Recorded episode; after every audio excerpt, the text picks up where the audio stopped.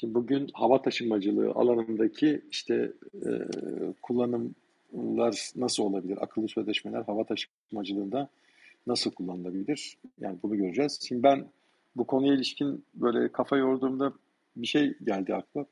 Biliyorsunuz hava taşımacılığındaki fiyatlar alabildiğine esnektir. Yani e, işte aynı hatta aynı uçak bir tarihte e, x liraya alabildiğiniz bileti bir başka tarihte 3x liraya alabiliyorsunuz ve bu gayet doğal. Hatta işte e, seyahat programları şey olan insanlar e, belli veya belli, belli rutinleri olan insanlar e, e, buna dayalı olarak da çok önceden belli biletleri de alabiliyorlar. Çok ekonomik fiyatlara e, bu biletleri edinebiliyorlar. Bana mesela öyle geliyor ki akıllı sözleşmeler söz konusu olduğu zaman bu iş tamamen şeye bir uygulamaya falan dönecek ve bir esnek bir anlaşmaya dönüşecek. burada yani bilet alımı en, en azından yolcu taşımacılığı itibariyle yani bunu söyleyebiliyorum. ve bu şeyin bir de işin tabii yük taşımacılığı tarafı var. Yani kargo taşımacılığı tarafı var.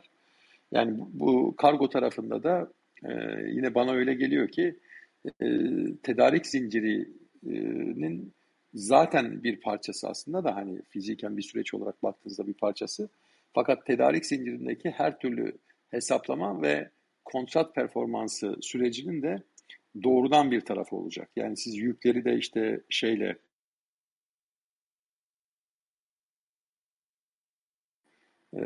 işte hangi noktada, hangi aşamada yük alındı mı alınmadı mı, nereden nereye götürülüyor. Ee, bütün bunları işte gerçek zamanlı olarak takip etme şansınız olacak. Yani kargo taşımacılığı tarafında da böyle bir e, katkısı olabilecek diye düşünüyorum ben. E, buna mukabil mesela şey var, mücbir sebep halleri var. Yani hava taşımacılığında taşımacıların biraz daha e, nasıl söyleyeyim, hukuk onları biraz koruyor. Yani sebebi ne? Ee, e, biraz da işte hava muhalefetinden etkilenmesi bir karayolu taşımacılığı gibi değil. Ee, işte hava şartlarının anlık bozulması halinde dahi bir sefer aksadığında bunun e, zincirleme etkileri söz konusu olduğu için e, hava taşımacılığında şeye bu bileti iptal etme hakkı var şey taşıyıcının.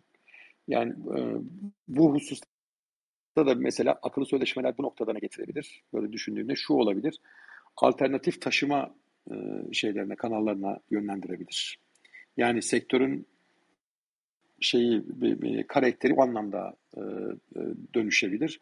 Veya biliyorsunuz hani e, hava taşımacılığındaki hava koşulları sadece e, kalkış yapılan liman itibariyle değil, bütün destinasyon artı iniş yapılacağı yer itibariyle de e, söz konusu olabiliyor. Dolayısıyla e, akıllı bir sözleşmeyle e, ve yapay zeka desteğiyle çok kolay bir şekilde mesela sizin şeyinizi değiştirebilirler. Yani rotanızı değiştirebilirler. Yani bunu manuel dahi şu an yapıyorlar. Yani diyelim siz şeye uçmak istiyorsunuz, Mardin'e uçmak istiyorsunuz. Ee, taşıma şirketi diyor ki ben sizi Antep'e göndereyim, Antep'ten de karayoluyla e, transferinizi yapayım. Çünkü Mardin Havalimanı'ndaki işte iniş koşulları uygun değil. E, bunlar olabilir. Yani e, netice itibariyle e, yani akıllı sözleşmeler devreye girdiği zaman e, bu tür yeni unsurlar hayatımıza girecek gibi e, geliyor. Ben açıkçası şey beklemiyorum. E, e, akıllı sözleşmelerin devreye girmesiyle birlikte e, hava taşımacılığındaki taşıyıcıların taşıyıcı sorumluluğunun içeriğinin çok değişeceğini düşünmüyorum. Sadece işte yasaların veyahut e, teamüllerin, sektörel tahammüllerin taşıyıcıya, taşıyıcıya sağlamış olduğu veya tanıdığı esnekliğin biraz daha yönetilebilir, biraz daha öngörülebilir hale geleceğini düşünüyorum. Yani sektörün karakterini tümden değiştirecek bir e, e, uygulama getireceğini ben açıkçası düşünmüyorum. Bilmiyorum sizler ne dersiniz bu konuya?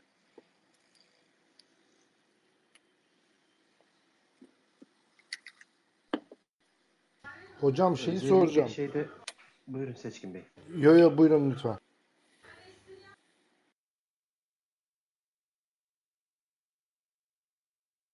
Bu şeyde de e, karayolu gibi hava yolunda da boş olma olayı var mı acaba? Vardır illaki diye düşünüyorum.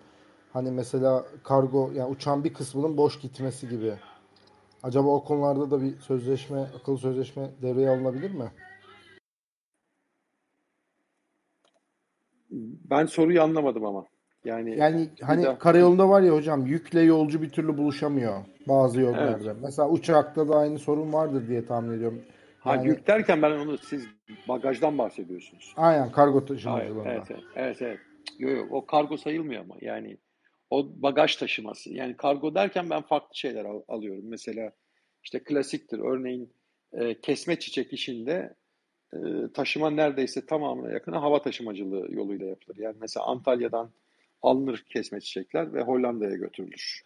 İşte 3 saatlik bir yolculukla gider. Çünkü çiçek şeydir hani işte nazik bir e, emtia netice itibariyle hızlı taşınsın diye geleneksel olarak hava taşımacılığıyla yapılır. Belli uçak şey uçak diyorum. E, e, belli ilaçlar yine böyledir. Yani yine işte böyle organ nakillerinde falan yine böyle acil taşıma gerektiren şeylerde hava taşımacılığı e, kullanılır. Yani kargo derken ben onları anlıyorum. Yoksa yolcunun beraberinde götüreceği eşya çok da kargo sayılmıyor benim gözümde. Yani teknik olarak kargo sayılmıyor.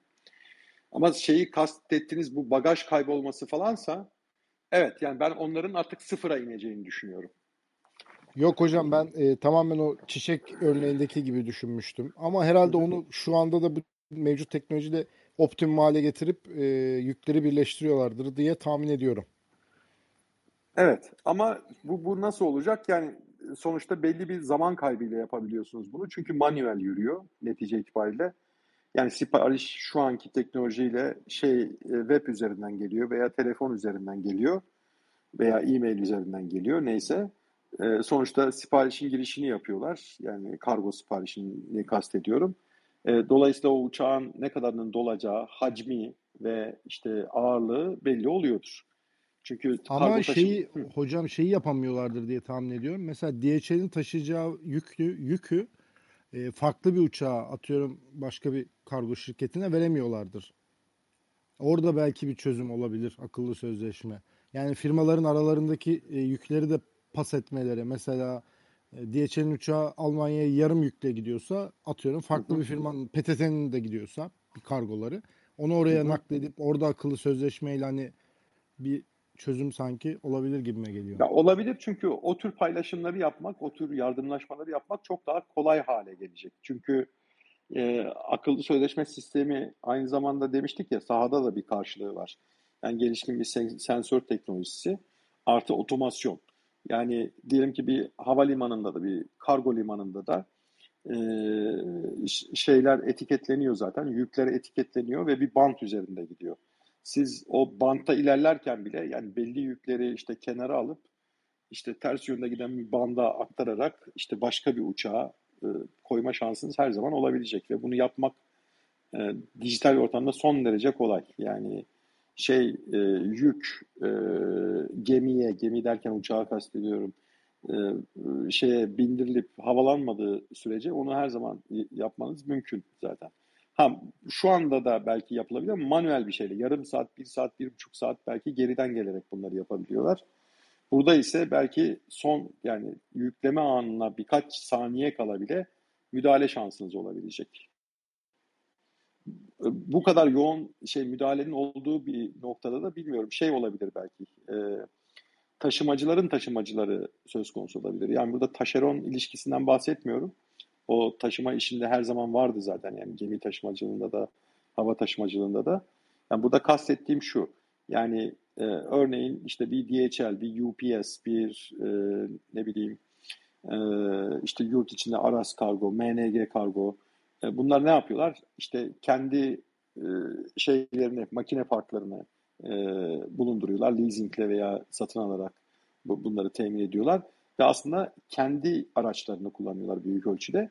Fakat bu paylaşım, forwarding işi akıllı sözleşmelerle daha böyle esnek ve gerçek zamanlı bir halde müdahale edilmeye açık hale geldiği zaman bana öyle geliyor ki bandlık etkisini daha fazla kullanmak, taşımadaki verimliliği daha fazla arttırmak için bu demin işte adını saydığım o yerli ve yabancı taşımacı firmaların da destek aldığı daha büyük taşımacılar söz konusu olacak. Yani atıyorum X, Y, Z çıkacak.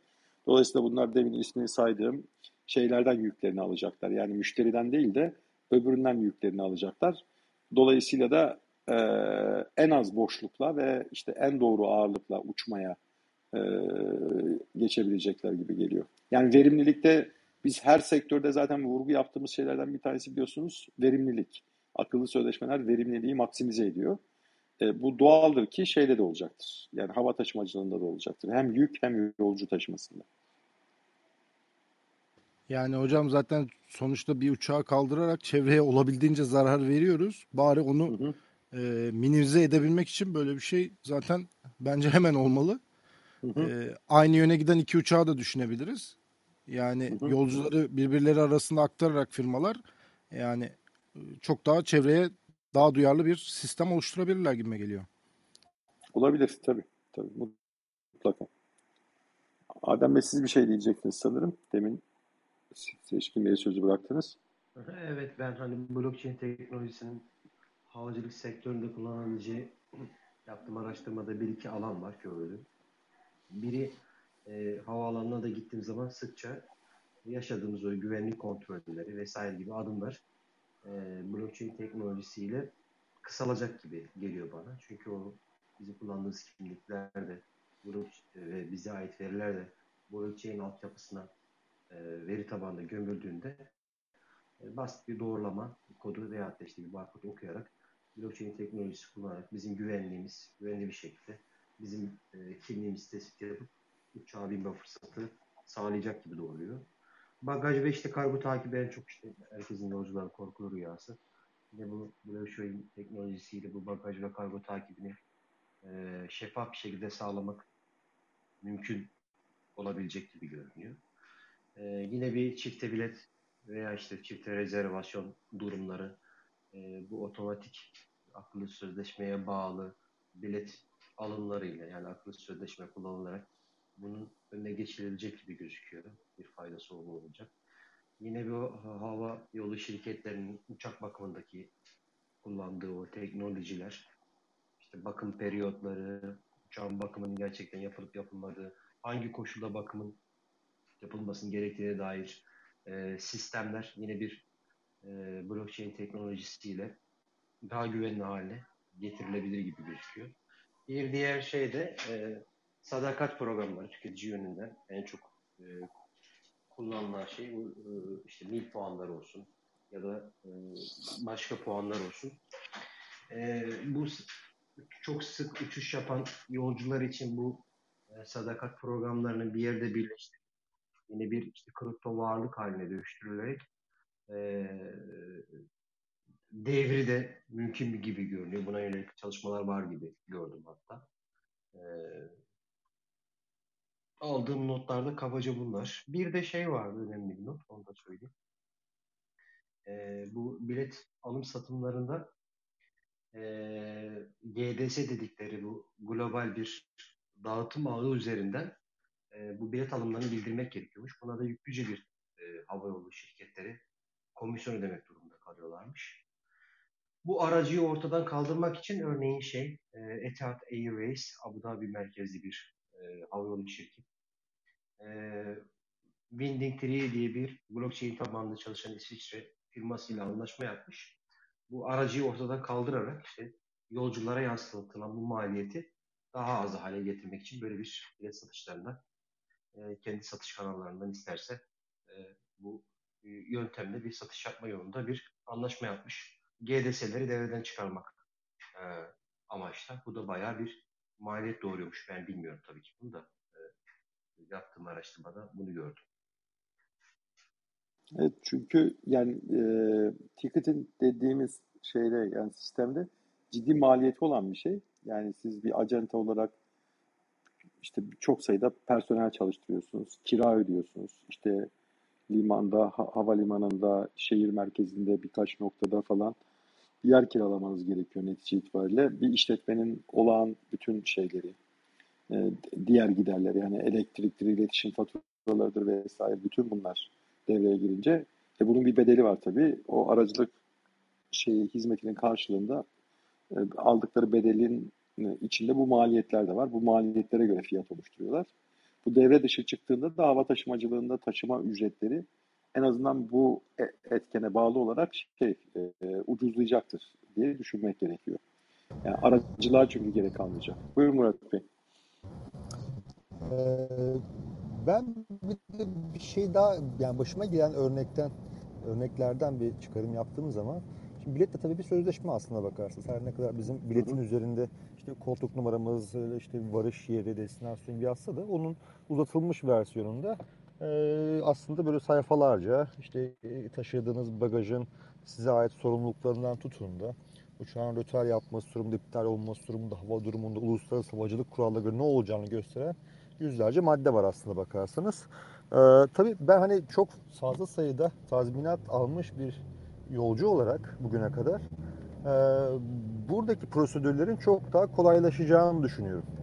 Yani şu anda kolaylaştı mı? Evet blockchain kullanılmadan da kolaylaştı. Yani örneğin şu, işte, İstanbul New York uçuşunda örneğin birkaç saatlik e, rötar, rötar üzerine siz aracı bir kuruluşa giderek kendinizi sigortalatabiliyorsunuz ve diyor ki normalde ben senin saatlik işte örneğin 100 Amerikan doları ben sana bir ücret ödeyeceğim e, diyor hava yolları ama aracı kurum diyor ki sen böyle başvuruyla şununla bununla uğraşma ben sana işte 60 dolar vereyim çünkü o parayı ben oradan alacağım bir şekilde. Çünkü ben şeyden görebiliyorum. E, uluslararası sistemden görebiliyorum. Saat kaçta kalkmış rötar var mı yok mu. Yani alırım alamam onun hava yollarında o benim sorunum. Ama diyor sen normalde işte 200 dolar alacağına ben sana 120 dolar vereyim. Gerisi de benim olsun diyor. Bu bu şekilde çözülüyor. Fakat blockchain üzerinden eğer bu sistem gerçekleşirse aslında siz anında hani uçak e, işte gecikmeye tabi oldu, rötar yaptı, iptal oldu, başka şeyler oldu. Herhangi bir başvuruya konu olmadan da e, oradaki maddi e, tazminata anında sahip olabileceksiniz. Herhalde o, e, Mustafa Hocam sizin bahsettiğiniz optimizasyon en fazla burada olur. Çünkü e, gerçekten de hani bir e, bagajın kırık olması, bagajın gelmemesi gibi konularda aslında uluslararası e, havacılık kuralları yolcu taşımacılık kuralları yolcunun yanında. Ama bunları almak için sürekli başvuruya gitmek gerekiyor. DES'e gidiyorsunuz, oradan bir yazı alıyorsunuz. Yazı almazsınız, daha farklı şeyler. İnanılmaz prosedürler var. Ee, Birçok kişi yolcu hakkını bilmiyor. Artık zorunlu olarak biliyorsunuz havalimanlarına koydular. Hani haklarınız nelerdir diye böyle 5-6 maddede çok özetlemeye çalıştılar. Halbuki onlardan çok daha fazla hakkınız var. Ee, yani çünkü bu uluslararası kurallar, bunları kanunlar bunları gerektiriyor. O yüzden optimizasyon kısmında blockchain muhtemelen e, anlık olarak bunlara çözüm üretecektir diye düşünüyorum.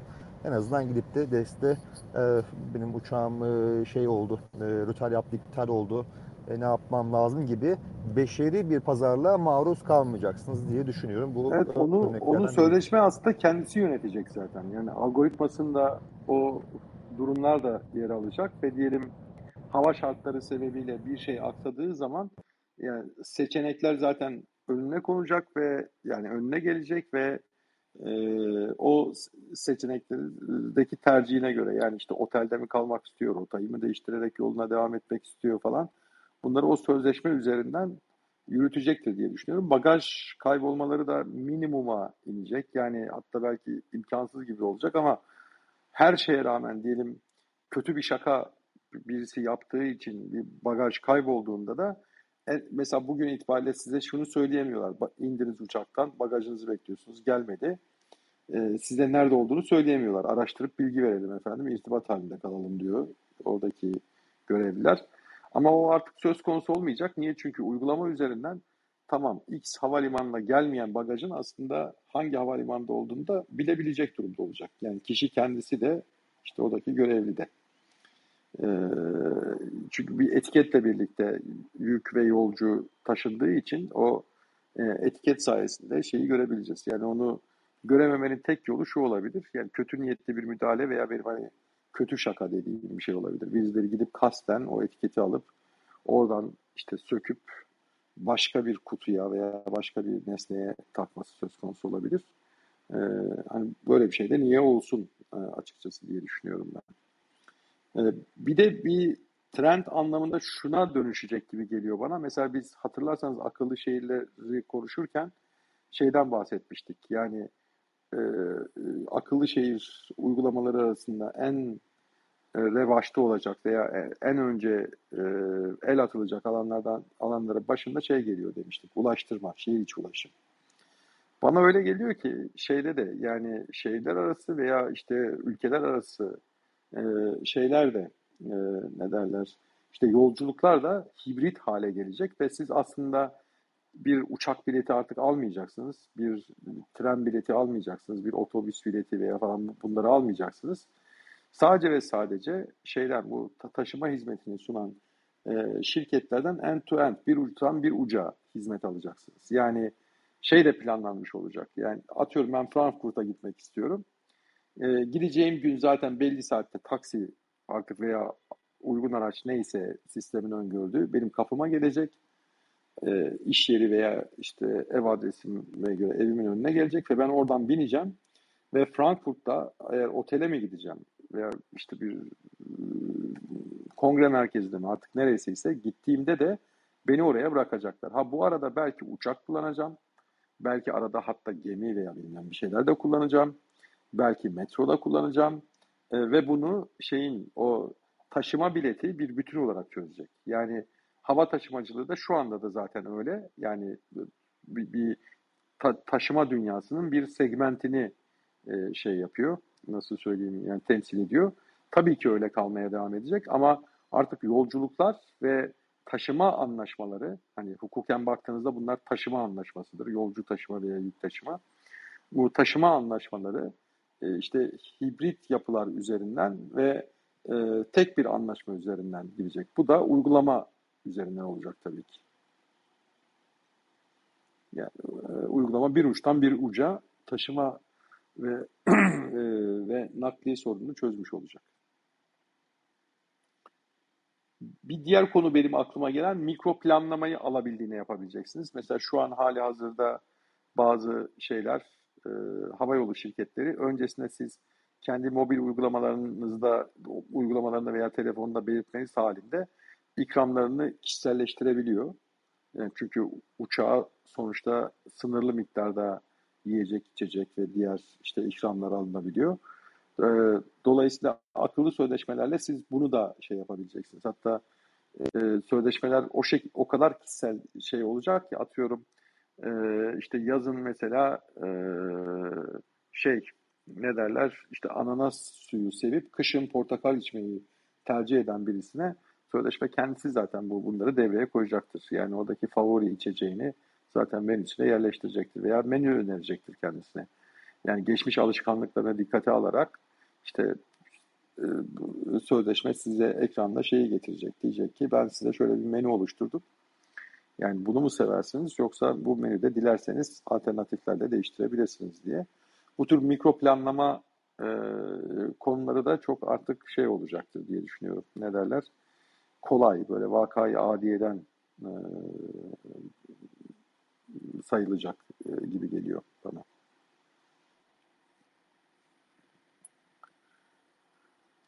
Evet, yani bu hususta bilmiyorum. Yani hava taşımacılığı e, zaten bir hayli esnek ama sürprizlere de açık bir şeydi. Bu sürprizlerin sayısı azalacak ama sektör esnekliğini sürdürecek. burada belki müşterileriyle daha barışık olacak. Özellikle yolcu taşıma itibariyle müşterileriyle daha barışık olacak e, gibi geliyor bana. Mustafa Bey bu mikro planlamadan içerisine şunu da katabilir miyiz sizce? Şu anda mevcutta bir bilet alırken e, sadece bagajla ilgili opsiyonlarınız oluyor. Örneğin ben uçak iptal olursa tazminat istemiyorum gibi bir seçeneğimiz şu anda yok. Hı. Belki bu akıllı sözleşmelerde hemen hemen her türlü şeyi konu edebilecek miyiz acaba? Tabii ee, kesinlikle öyle. Ee, orada mesela işte opsiyonlarınız olacak. O opsiyonlarda siz örneğin işte bu tazminat teminatlarından işte yararlanmak istiyor musunuz, istemiyor musunuz ve bu fiyata da yansıyacak. Yani Mutlaka siz, tabii. tabii. Evet. E, siz diyelim ki işte hasar tazminatı riskini şey e, üstlendiğiniz zaman daha düşük bir fiyat ödeyeceksiniz. Tabii o hasarla da yüz yüze geldiğinizde, o riziko gerçekleştiğinde de tabii kendinizle baş başa kalacaksınız. O da ayrı bir olay ama mutlaka fiyat oluşturmada da bu bunlar mutlaka şey olacaktır. Yani e, gündeme gelecektir ve bunları yapmak çocuk oyuncağı. Hani, e, bugün de aslında tekniğin geldiği noktada yapılabilir şeyler sadece ve sadece e, blockchain teknolojisi kullanılmadığı için e, ihtilaf doğuran hususlar söz konusu. Ama işin içine blockchain'i koyduğunuz zaman e, kendi kendine yürüyen bir sözleşme oluyor. Dolayısıyla da ki oradaki veriler karine haline geliyor. Yani sahih kabul ediliyor. E, hani çok önceden birkaç oturumda da konuştuğumuz gibi aksini düşünen varsa menfi tespit davası açması gerekecek artık e, diye. Bu işleri çok kolaylaştırıyor o yüzden. Yani çok esnek yapıda bir fiyatlama ve hizmet bileşenlerini siz uygulama üzerinden planlayabileceksiniz. Yani mikro düzeyde ve bu doğal olarak aldığınız hizmetin içeriğini de değiştirecek, ödediğiniz bedelin miktarını da değiştirecek.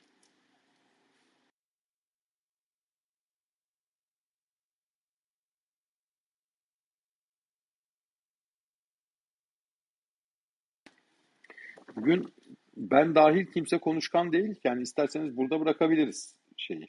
E, konuyu Murat Bey de çok müsait değil yolda.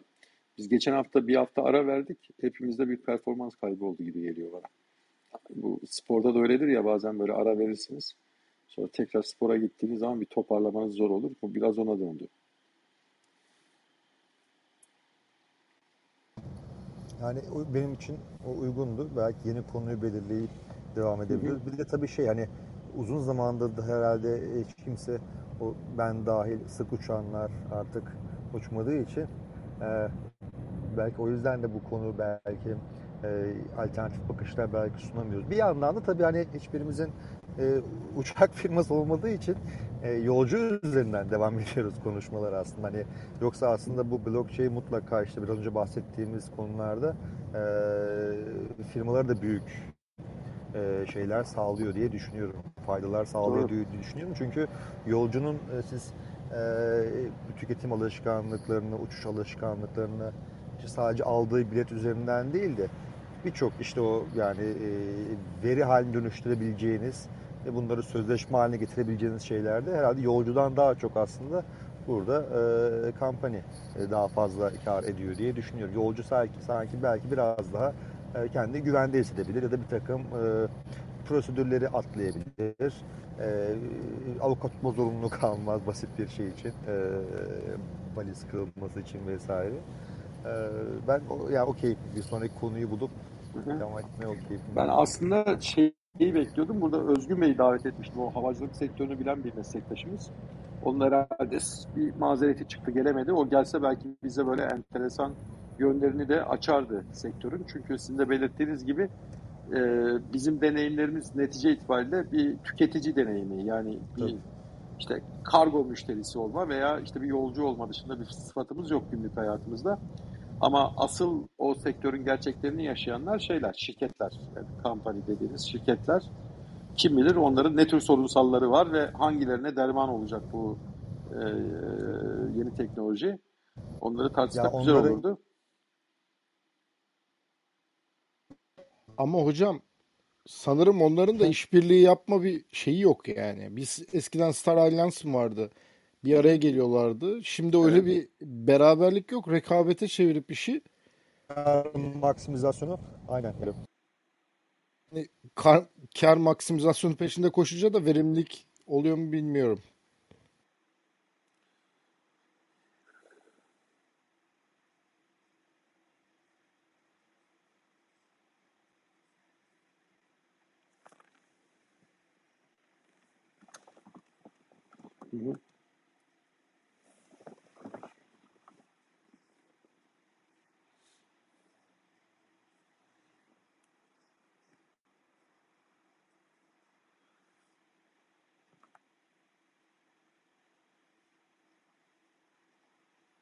Hı hı.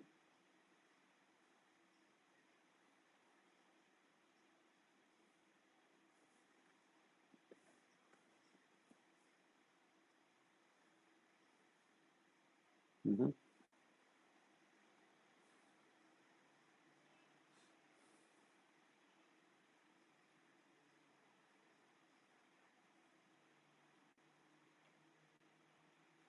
Mm-hmm.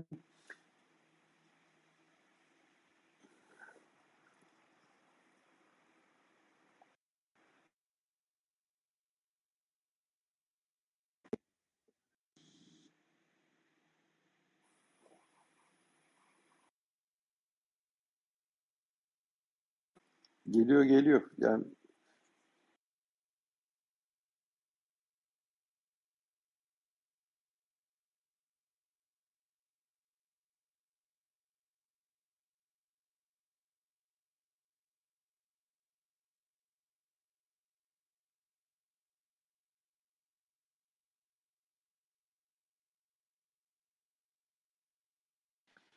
doğru bu aslında özellikle teknik servis tarafı uçuş güvenliği ile ilgili bir şey. Ve e, uçuş güvenliği de e, daha üst seviyede olabilir. Yani akıllı sözleşmelerle çalıştığınızda. Çünkü ben de şunu biliyorum. Mesela her uçak bir havalimanına indiğinde bütün parçalarının belli bir işte e, kullanım süresi veya bir mil e, şey var, mil, e, milajı var ve o e, belli milajlarda belli parçaları değiştirmeniz, bazılarının işte özel e, farklı seviyelerde bakımlarının yapılması gerekiyor. Ve bunu da aslında çok detaylı bir şekilde yapıyorlar. Yani manuel olarak bir checklisti var. Kağıdı da aktarıyorlar. Ve o işte e, checklistler yerine gelmeden de size zaten şey kalkış izni verilmiyor. Ama siz bunu blockchain tabanlı bir akıllı sözleşmeyle yaptığınızda çok daha emin olabileceksiniz. Çünkü ben şunu da biliyorum. Yani kazalardan sonra bu mesela tartışma konusu oluyor. Ben şeyi hatırlıyorum bu Isparta uçağa düştüğünde e, biz de dosyada belli bir noktada katkıda bulunmaya çalışmıştık. Ben dosyayı incelemiştim. Orada mesela son uçağın son gördüğü bakımlarla ilgili yoğun şeyler vardı, yoğun tartışmalar vardı ve oradaki sistemin işleyişini hatırladığım kadarıyla tamamen manuel gidiyordu. Ama siz aslında e, bütün o parçaları yani uçağın kendisini de ve parçaları da etiketlediğiniz zaman e, gerekli bakımların dijital ortamda ve o sözleşme ortamı e, üzerine yapıldığından zaten e, kesin kez emin oluyorsunuz. Ve o gerekli bakımlar yapılmadığı zaman da işte uçuşa elverişliliği olmadığı için şeyin uçağın kalkışına izin verilmiyor. Dolayısıyla o teknik servis süreçleri de bu akıllı sözleşme sistemine dahil edildiği zaman uçuş güvenliğinin de işte maksimize edileceğini düşünüyorum. Yani sadece mesele verimlilik değil bir de uçuş güvenliği var. Ee, o da işte en üst seviyede sağlanabilir gibi geliyor bana. Hocam bir şey soracağım da e, siz mesela o ya Isparta kazası da benim için çok önemli de o bir şey araştırıyorum onu ben olabildiğince. Oradaki datayı e, Türk Hava Yolları tekniğin serverından mı almışsınızdır? Yani şu uçağa şu yapıldı diye. Yok orada benim hatırladığım kadarıyla şey bak yapmıştı bakımını. Ee, yani ne firma özelinde ya, şu... anlatmıyorum da hocam. Yani datayı veren kim? Bunu ben yaptım. Datayı veren kim? datayı veren şey. Yani hem e, Atlas Jet veriyor hem de şey bu teknik bakımı yapan e, bilmem ne teknik diye bir firma var ya Türk Hava Yolları iştiraki. Şu an adını hatırlayamadım. Hmm. E, o firmada dosyada her iki taraftan da alınan belgeler vardı. Ve bu belgelerin tamamına yakını da şeydi. E, nasıl söylüyorum? imzalı bir imzalı matbu evraktı. Yani elle doldurulmuş evraktı. Yani dijital veriler de vardı ama daha çok elle doldurulmuş evraktı. Yani sonuçta onların söylediğine inanmak zorunda kalıyoruz. Ortada bir data da varsa. Aynen, aynen. Ama işte blockchain tabanlı bir sözleşme ortamında bir uygulama söz konusu olduğunda artık kimsenin ne dediği çok önemli olmayacak. Yani sistemde e, hali hazırda var olan data esas alınacaktır. Öyle bir farkı olacak yani. Yani şey... rakamsal verileri var bu şey bakımlara ilişkin.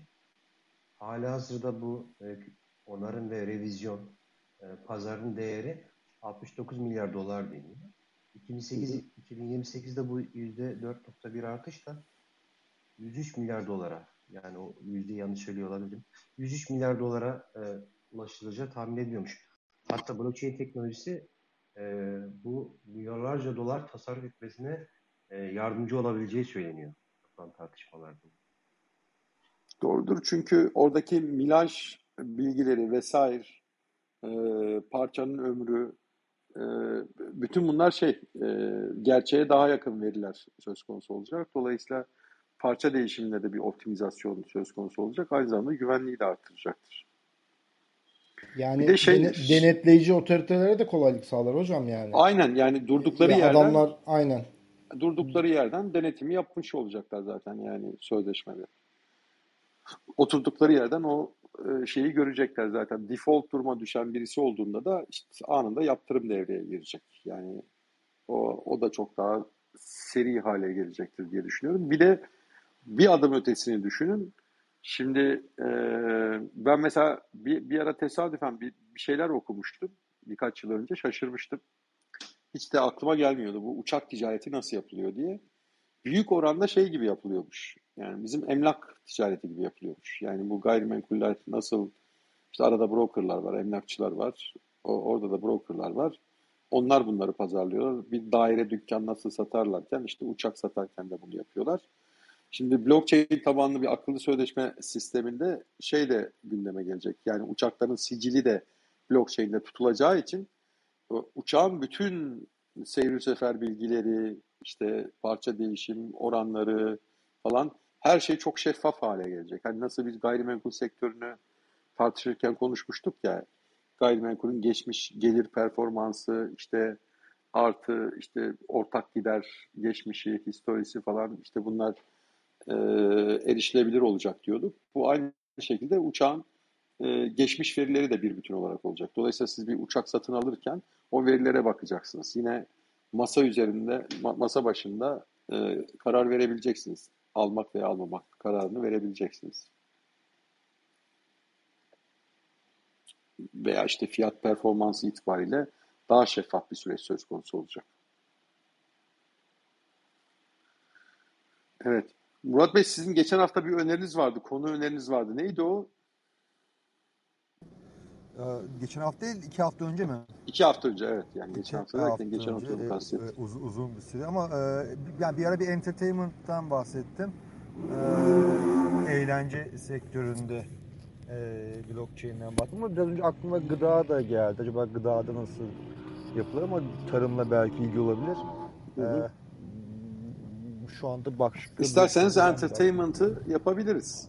Önümüzdeki hafta entertainment, eğlence sektörü. Evet yani içinde çünkü entertainment'ın şeydi hani aslında bakarsanız hani spor da bir entertainment'tır, kasino da bir Aha, entertainment'tır, e işte loteri de bir entertainment'tır.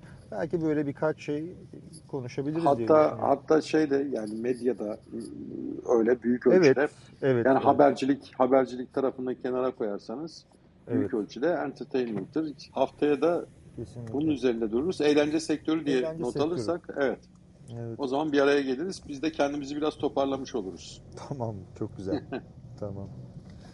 Peki. Söz almak isteyen yoksa burada bırakabiliriz bu akşam diye düşünüyorum. Evet yok. Ben herkese kendi adıma teşekkür ediyorum. İyi akşamlar akşamlar. olun. Görüşmek üzere.